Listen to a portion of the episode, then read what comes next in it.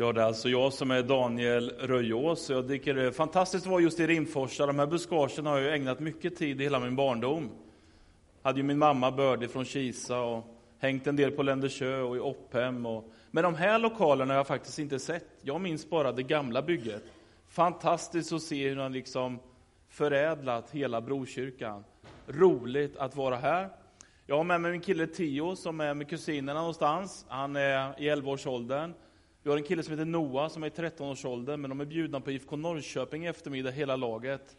Och imorgon ska vi på IFK Göteborg, Djurgården. Så att det här dygnet är hans paraddygn, det som är inne nu. Jag har en fru som heter Tine, som är sångerska och sångpedagog på DR-gymnasiet i Norrköping. Men jag är alltså pastor i två församlingar. Halvtid i Centrumkyrkan Boxholm. Det är en församling med en svag anstrykning av IFK, knappt märkbar. Sen är jag föreståndare i Mjölby pingst, så jag fikar med kollegor i tre samfund tisdag, onsdag, torsdag. Nej, så är det inte. Men jag är uppkopplad till en massa samfund genom de här två kyrkorna. Men ibland får jag chansen att vara ute och predika och föreläsa. Skrev det här häftet förra sommaren, Att presentera Jesus, ett häfte om Predikans centrum. Och jag menar att det är en angelägenhet för hela församlingen. Om någon frågar dig vad du tror på, vad svarar du då? Vad är fokus i vårt ärende? Vad är själva centrum? Och efter kaffet kommer jag ge ett tajt, kort seminarium utifrån det här. Du som vet att du brukar vara hungrig och längtar hem till lunch, håll i dig, du kommer hinna hem. Och jag är ruggigt väl förberedd, så du behöver inte vara orolig om du stannar på seminariet. 50 kronor kostar det här häftet. Och då är det riggat så att alla pengarna går direkt till Alfa Sverige. Det är skrivet för att generera och stärka Alfa Sveriges ekonomi också. Och det betalar man genom att swisha direkt till Alfa Sverige. Numret står på första sidan. Så är det med det, men det återkommer vi till under seminariet. Så till predikan. Och rubriken skulle kunna vara att berätta människor in i den stora berättelsen om Gud och hans folk. Eller berättelsen om hur Gud räddar världen. Det finns en stor berättelse att berätta, en metaberättelse om ursprung och framtid, som ger floder av ljus över frågor om livets mening. Och det är den berättelse som kulminerar i Jesus Kristus. Och vår kallelse att berätta människor in i den här storyn är själva ärendet för den här söndagen. Så håll i er nu. För många år sedan, en onsdag morgon, gick jag på tåget i Nässjö. Jag hade umgåtts med kollegor i ett dygn. Vi hade knappt sovit, vi hade fikat, vi hade skrattat, vi hade bett tillsammans. Men jag skulle hem till Linköping och arbeta i Ryttargårdskyrkan, där jag då var pastor. Jag ville liksom bara sippa lite kaffe och sen somna och vakna i Linköping. Rulla fram på den inre resan med SJ.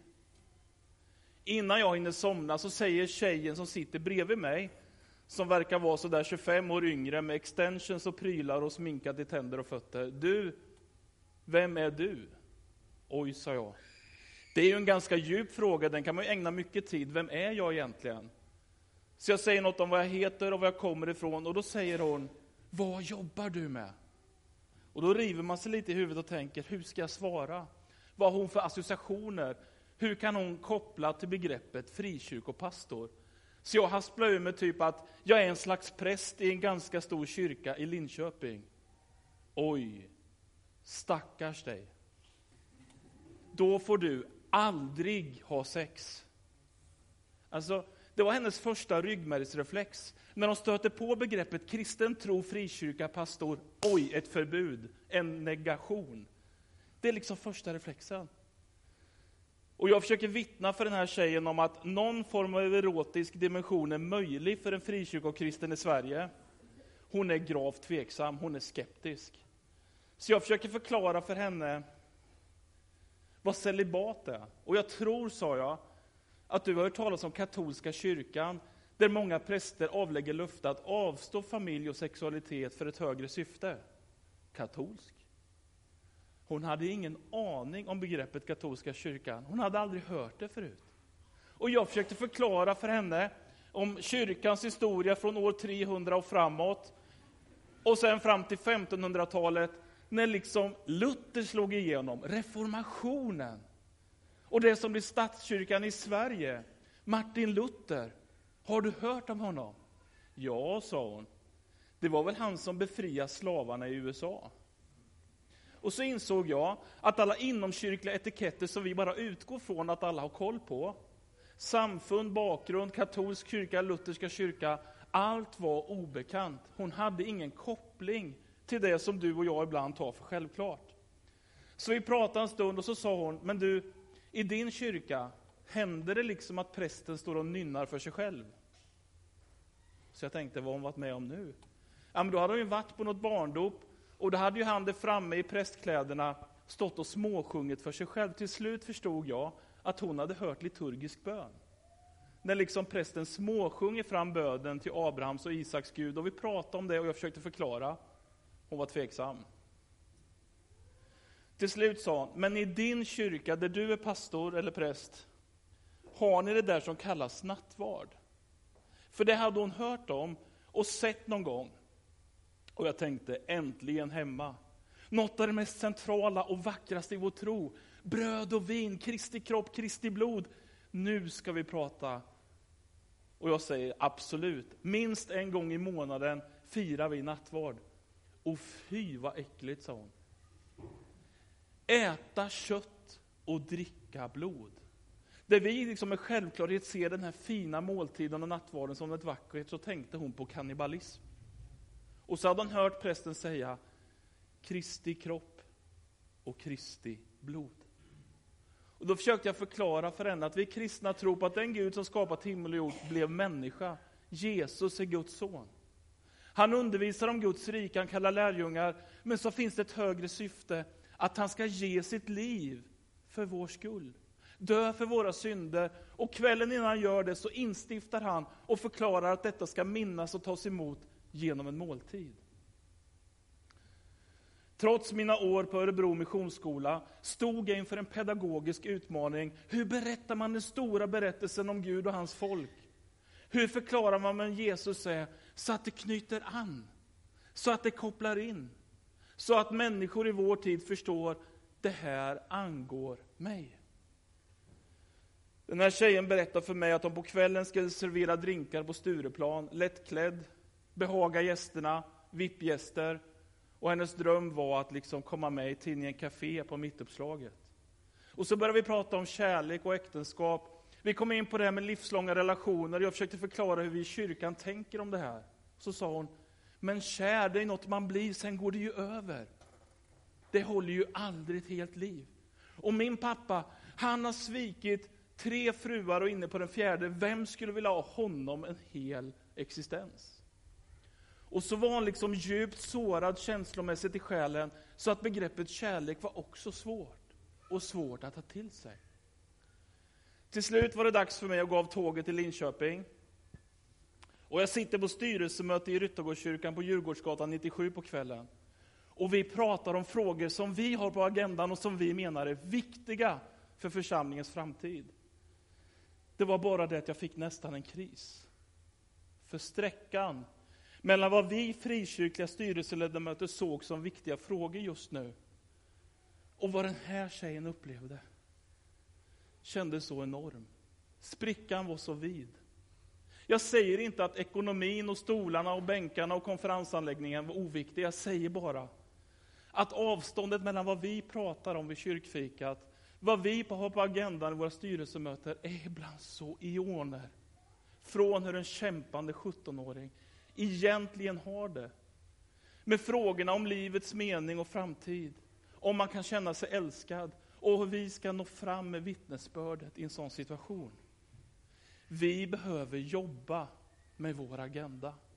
Vi behöver jobba med vad som verkligen berör våra hjärtan. Vi behöver jobba med frågan, vad är det jag drömmer om att få presentera för min granne och arbetskamrat? Vad är vårt ärende? Om någon skulle fråga dig, vad tror ni på i Brokyrkan? Vad ger ni ett liv för? Hur skulle du formulera dig? Och vad skulle du säga? Och vad skulle hända med agendan i budgetberedningen i församlingen, i styrelsemötet och årsmötet, om Guds hjärta för de här människorna tog oss med större kraft? Så att vi såg på frågorna och framtiden mer med Jesu ögon att koppla sin egen livssituation till en jude som levde och dog för 2000 år sedan. Som kyrkan bekänner som Guds son. Som vi tror har öppnat dörren till försoningen och framtiden. Öppnat dörren hem till Gud. Där trasiga relationer kan upprättas. Där församlingar kan bli en fristad för jagade människor. Där man kan bli älskad och få sin identitet som den man är. Kära vänner, vi har ett tidlöst uppdrag att i varje tid och på varje plats och i varje kultur förmedla de goda nyheterna om Jesus så att det blir begripligt, så att det blir relevant och så att det når fram och når in och berör. Vi har något att berätta, att återberätta den stora berättelsen om Gud och hans folk, som kulminerar i Jesus Kristus. Men hur ska det gå till? Och lärjungarna får ju ingen liten beskrivning av uppdraget. I Jerusalem, i Samarien, i Galileen, till jordens yttersta gräns. Horisonten är världsvid. Det kan inte, får inte bli sekteristiskt och slutet. Det gäller alla, det gäller överallt. Men hur ska det gå till? Jag har med mig två bilder som jag ska visa nu. Här ser du en tvättlina. Den symboliserar vår kollektiva mentala hårddisk. Gemensamma utgångspunkter, världsbilder och begrepp som vi bär med oss. Och om vi backar 50-60 år, kanske en evangelist eller en kristen kunde ge traktat. En kort appell, en bibelvers. Romarbrevet 5.8, men Gud bevisar sin kärlek till oss genom att Kristus dog för oss medan vi ännu var syndare. Och så kopplade det till ett antal begrepp som gjorde att det blev hyfsat begripligt. Eller så älskade Gud världen att han gav den sin enda son för att de som tror. Och så hängde man upp traktatet, appellen, väckelsepredikan på en gemensam världsbild, en gemensam utgångspunkt. Nästa bild. Jag menar att tvättlinan helt har rasat, i stort sett. Väldigt få har koll på den bibliska berättelsen. Abraham och Mose är okända figurer, de flesta är bibliska analfabetismer. Om det tidigare fanns en idé om att Gud finns, att Bibeln börjar med honom, att det finns en skapare, att det finns ett problem som heter synd, att det finns ett gammalt och nytt testamente, skillnad på gott och ont, att Jesu födelse hade med julen att göra och påsken med hans död. Så står jag i gymnasieklass i Partille för många år sedan och säger, är det någon i den här religionsklassen som vet vad påsken handlar om? Varför vi i kyrkan har gudstjänster, långfredag och påskdag. Ingen av 25 elever har en idé, ingen räcker handen. Religionsläraren är på plats, vill man få bra betyg är det dags att glänsa. Till slut säger en kille, påsken, det var väl då han la sig i krubban. Och så tänker jag, hur kommunicerar vi? Hur berättar vi? Var är referenspunkterna? Var börjar vi någonstans? För att väcka frågan om Gud, om vår existens, om livets mening och om Jesus. Och hur blir det begripligt att Gud har gripit in och att Jesus, Guds son, har lidit och dött i vårt ställe? Han bar vårt straff på sig. Men vad då? Är jag taskig mot dig får jag be om ursäkt. Är jag riktigt taskig kommer polisen. Men var kommer Gud in när det gäller mina moraliska frågor? Hur är liksom livet ett kontrakt med Gud, där synden slår mot honom och blir ett kontraktsbrott? Var och när kan en människa förstå att det finns ett grundproblem som Jesus har tagit itu med? Jag kan släcka bilden. Jag vill idag, i den här gudstjänsten, läsa en berättelse som jag ofta återkommer till. Den ger mig nycklar både till gudsfrågan och ärendet i evangeliet. Men också nycklar till hur vi kan närma oss människor i delandet av berättelsen om Jesus. Apostlagärningarna 8, 26-40. En ängel från Herren sa till Filippos, gå nu vid middagstiden ut på vägen som leder från Jerusalem ner till Gaza. Den ligger öde. Han gick genast. Då kom det en etiopier som var mäktig Hovenukos Kandake, den etiopiska drottningen, och hon, han hade ansvaret för hela hennes skattkammare.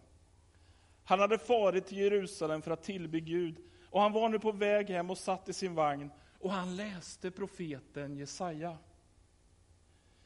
Anden sa till Filippos, gå fram till vagnen och håll dig tätt intill den.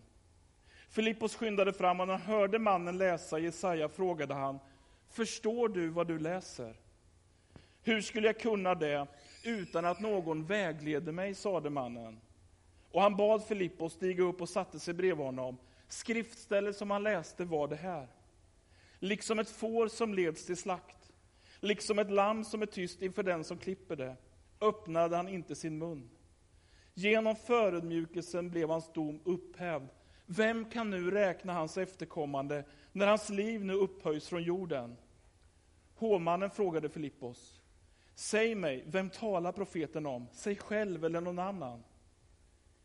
Filippos tog då till orda och med skriftstället som utgångspunkt förkunnade han budskapet om Jesus för honom. När de färdades framåt kom de till ett ställe med vatten och hovmannen sa, här finns vatten, är det något som hindrar att jag blir döpt? Han lät stanna vagnen och båda två, Filippos och hovmannen, steg ner i vattnet och Filippos döpte honom. När de stigit upp ur vattnet ryckte Herrens ande bort Filippos och hovmannen såg honom inte mer. Han fortsatte sin resa fylld av glädje. I den här stora berättelsen om Gud och hans folk, om hur Gud räddar världen, så finns det många vackra berättelser om personliga möten. Som ger oss ledtrådar till de mest existentiella frågorna, men också ledtrådar till hur vi kan närma oss människor i andliga samtal. Här berättas om en sökare, en etiopisk hovman, ansvar, finansminister, stora skatter hos den etiopiska drottningen. Han sitter i sin vagn och så får han möta en vägvisare, en evangelist som heter Filippos. Och det är en märklig bakgrund, för det är ju stor väckelse i Samarien. Filippos predikar för många, men Gud riggar ett enskilt möte ute på en öde väg mitt i hettan. Vi kanske skulle sagt, men Gud, jag kan inte lämna det här stormötet, jag måste vara kvar i Samarien. Men en ängel från Herren, alltså ett tilltal från Gud, skickar Filippos till en öde väg. Och så ser vi hur Gud riggar det här mötet. Från stormöte till ett enskilt samtal. Gud talar genom en ängel, agendan kastas om och där kommer denna finansminister med stort ansvar. Och jag ställer mig den här frågan. Vem var den här hovmannen? Och vilka är de människor som vi möter? Vad kan vi hitta för kopplingar? Han var sannolikt inte jude, hade troligtvis inte koll på allt i den judiska tron, och som hovenuk och kastrerad så var han nog inte heller en proselit. Ju mer jag läser om honom så verkar han ha varit en slags outsider i det religiösa systemet. Han var inte skriftlärd, han var inte präst, han var en vanlig människa i en vagn med en stor längtan. Men det verkar som att någonting i den judiska tron hade väckt genklang. Och så sitter han och bläddrar i profeten Jesaja i sin ensamhet. Hovmannen hade varit i Jerusalem och det står uttryckligt, han hade farit till Jerusalem för att be. Så mitt i den här resan fanns en andlig längtan, så att han till och med gjorde en resa till en religiös plats för att tillbe. Jag tänker så här, han var religiöst öppen. Och så tänker jag på människor jag mött. Jag gick på tåget en annan gång i Mjölby, skulle iväg med min vän Karl-Olof Hultby och ha mötesserie. Och så var det fullt i kupévagnen, men jag hade sittplats och hamnade bredvid en äldre dam klädd i så många vackra färger. Och när jag sitter där på tåget på väg till Uppland så ser jag i ögonvrån att hon läser en bok och på den står det hur du frigör dina egna inre energier. Så efter en stund säger jag, ursäkta, jag är lite nyfiket lagd. vad är det du läser för en bok?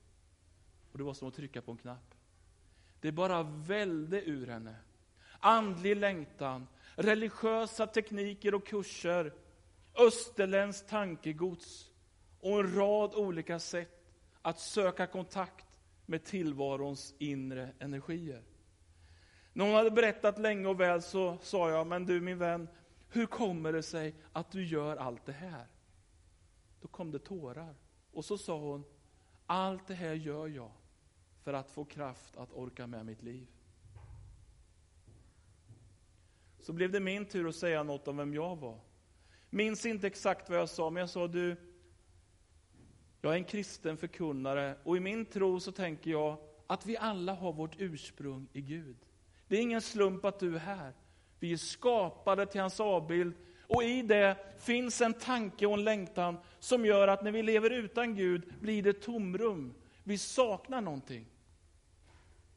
Men, sa jag, vi är inte de enda som söker. Enligt Bibeln är Gud en stor sökare så mycket att han sände sin son till världen för att vi skulle få liv.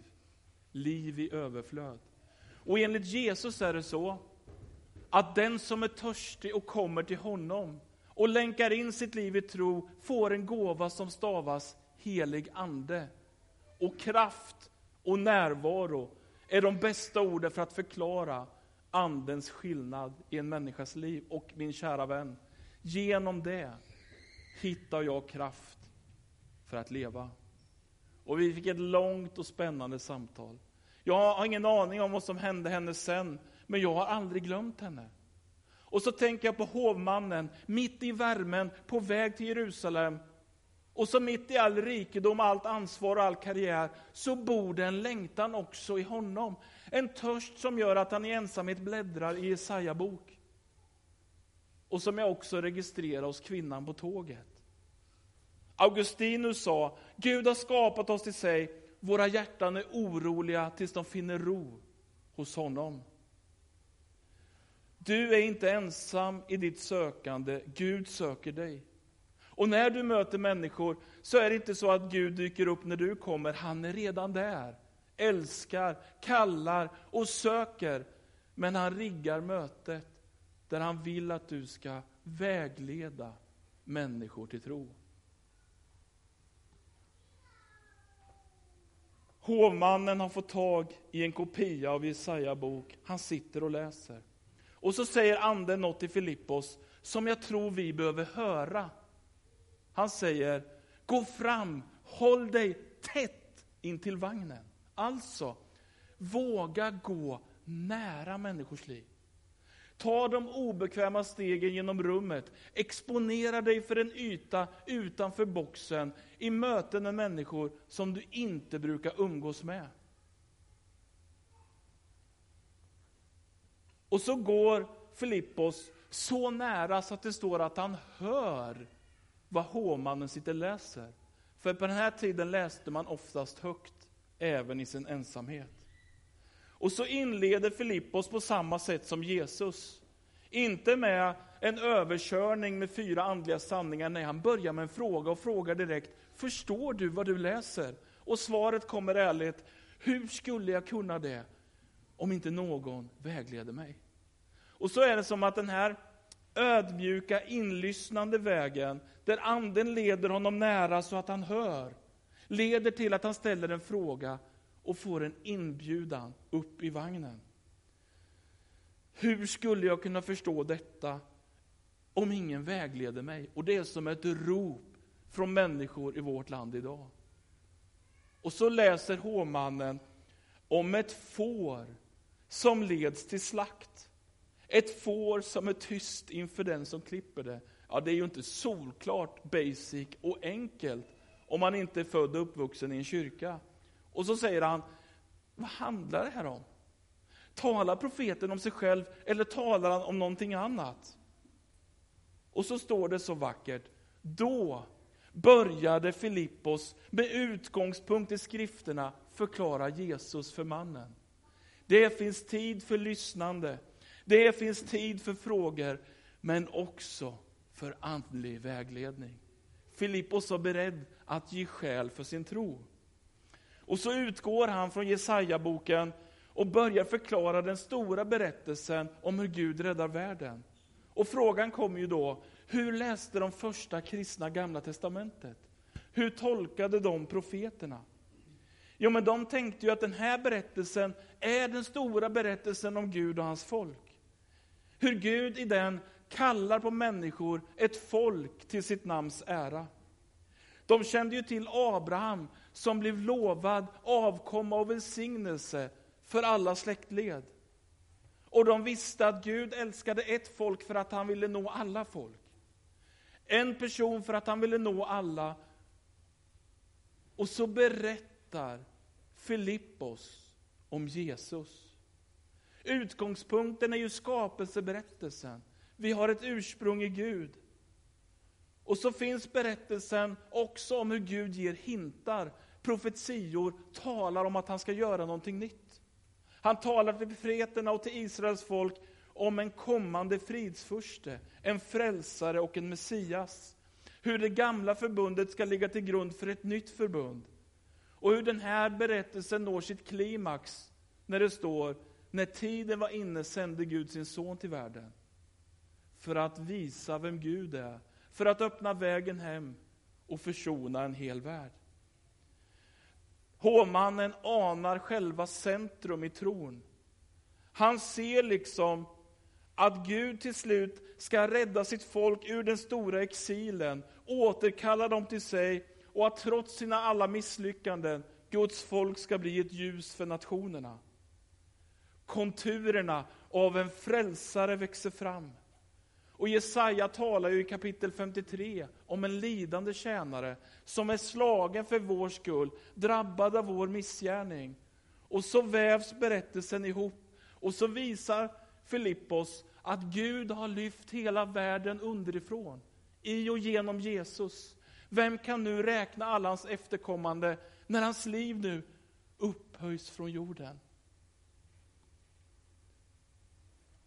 Mänsklighetens långa exil i främmande land ska se en ny morgongry. Jesus är den var och genom denna långa, vindlande, märkliga berättelse om vår frälsning når sitt slutmål. Och frågan om vårt ursprung, frågan om livets mening och varför och vart allt är på väg, rätas ut i Jesus. När jag var liten, i oktober månad, så hände något som min bror kan bekräfta och min syster var med. Någon lördag i oktober hade pappa framkallat årets skörd av diabilder. Ni ser frågande ut en del, du som inte har sett en diabildsapparat, som är ung, gå hem och googla. När jag berättar för mina barn om hur en sån såg ut och fungerade så tror de inte att det har funnits. En bild i taget, någon bestämmer hur länge alla ska titta och ständigt dålig skärpa. Och pappas två paradnummer, det var blommor i närbild och fornminnen. Han dammsög södra Öland och halva Småland på dessa motiv. Och där satt vi formligen dopade av stark saft och popcorn och tittade på dessa bilder. Och mitt största minne, det är pappas ständiga skruvande på skärpan. Särskilt om man inte hade råd med glas till bilderna. Men när jag tänker på min pappa varje vecka, när jag vill vittna om Jesus, när jag vill funka som pastor, när jag förbereder predikan, så tänker jag, jag är med och ställer skärpan. Jag är med och skruvar för att bilden ska få konturer. I en bild, i en tid då många har suddiga gudsbilder, så är det så som Jesus säger, den som har sett mig, han har sett Fadern. Och Johannes 1.18 säger, ingen människa har någonsin sett Gud, men den enda sonen, själv Gud och nära Fadern, han har förklarat honom för oss. Och så får bilden kontur och skärpa. Hovmannen får vara med om det här. Då började han tala och med utgångspunkt i skrifterna förkunnade han Jesus för honom. Jesus är själva huvudpoängen. Jesus är vårt ärende. Gud har blivit människa. I hans vackra ansikte ser vi sanningen om Gud, sanningen om människans liv och sanningen om vår frälsning. Och tydligast blir bilden när Jesus hänger ensam och övergiven mellan himmel och jord på ett kors. Med en rövare på varje sida. Och lastas på all djävulskap och synd. Och Gud skär det själv i sin egen kropp och brister i vårt ställe för att vi ska få liv. Och det är detta som är mitt bränsle när jag predikar. Det är detta som är min tanke när jag går på styrelsemöte i kyrkan. Det är detta som driver mig när jag tänker och skriver. Jag vill nå fram så att tjejen på tåget fattar att hennes ursprung är Gud. Och att Gud har gjort allt för att nå fram. Och min dröm är att svensk frikyrka skulle bli besjälad av själva ärendet. Att vi inte fastnar i inre konflikter. Att vi inte blir som den armé som är den enda som skjuter på egna gubbar, det är ju Guds armé. Utan att vi får fokus till dem vi ska nå. Att det händer något med vårt hjärta och med våra prioriteringar.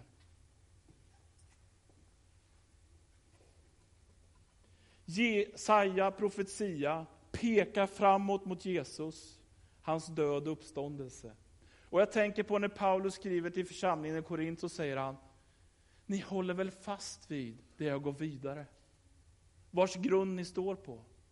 Det första jag förde vidare var att Kristus stod för er i enlighet med skrifterna. Att han också uppstod, också det, i enlighet med skrifterna. Var finns Gud i den här världen? Var är han mitt i allt lidande? Svar, på ett kors. Han har gått först i kampen mot allt mörker och all djävulskap och alla kaosmakter som vill ödelägga våra liv har besegrats.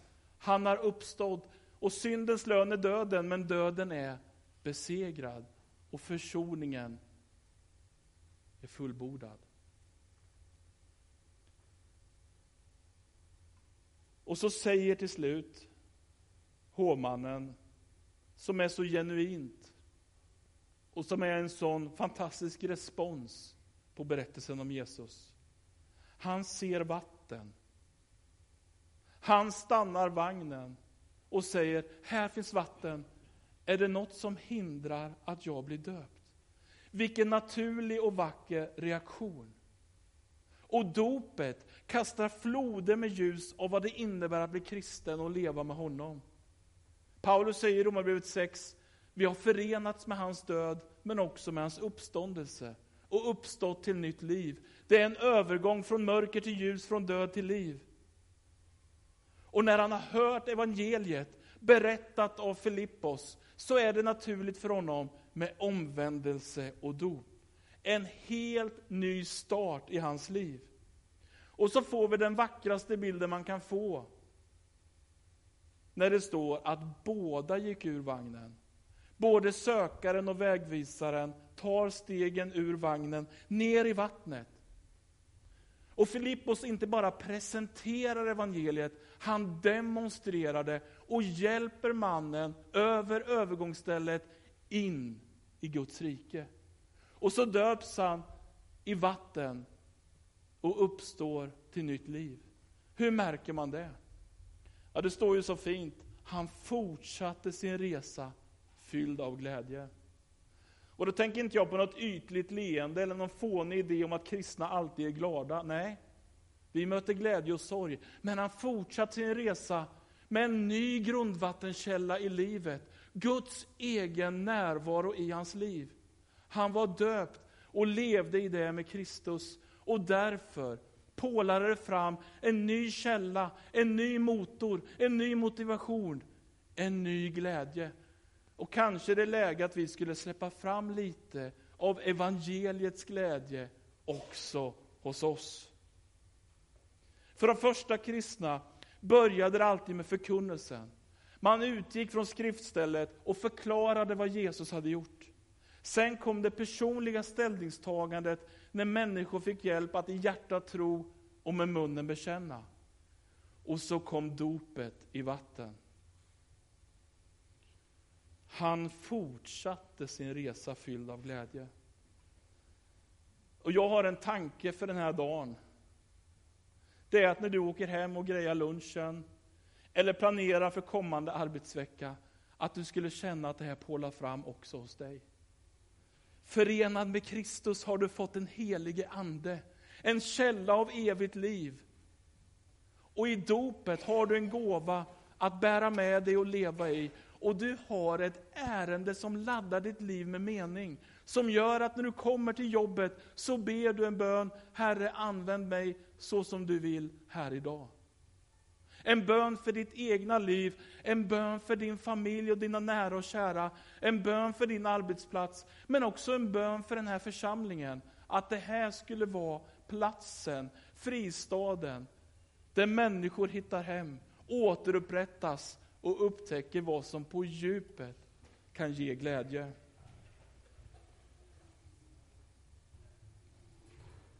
Jag hörde för många år sedan den förre Chicago-pastorn Bill Hybels, så han fick frågan, hur gör man då med alla unga? Hur gör man med alla ungdomar som inte har med sig kyrkan, inte har gått i söndagsskola, som inte kan den här berättelsen? Hur når man fram? Och han svarar då ett svar som jag stavat på sedan dess. Han sa Love them. Det var hela konceptet. Älska dem. Det är kärleken som gör hela skillnaden. Det sista jag vill berätta är när jag fick som 14-åring vinstlotten i årskurs 8 på Folkungaskolan. Jag och Josefin i klassen skulle göra prao på Cloetta i Ljungsbro. Yes! Vad vi ska äta. Jag tror inte jag åt något godis på två veckor. Det var en ganska fruktansvärd upplevelse i en miljö där det fanns absolut noll för en prao att göra. Det var stora cementblandare och det var mjöl och mintkulor och extrakt. Det var ju så att det bara stack i näsan. Och så fick jag se på när alla de 36 kexchokladen skulle ner i samma låda och en tejpbit. Det fanns noll för mig. Och så fick jag gå med en man som hade jobbat där i 39 år. Jag gick med honom i flera dagar. Om jag skulle få frågan vad var hans uppgift, eller om någon annan skulle fått frågan, så tror jag ingen hade en aning.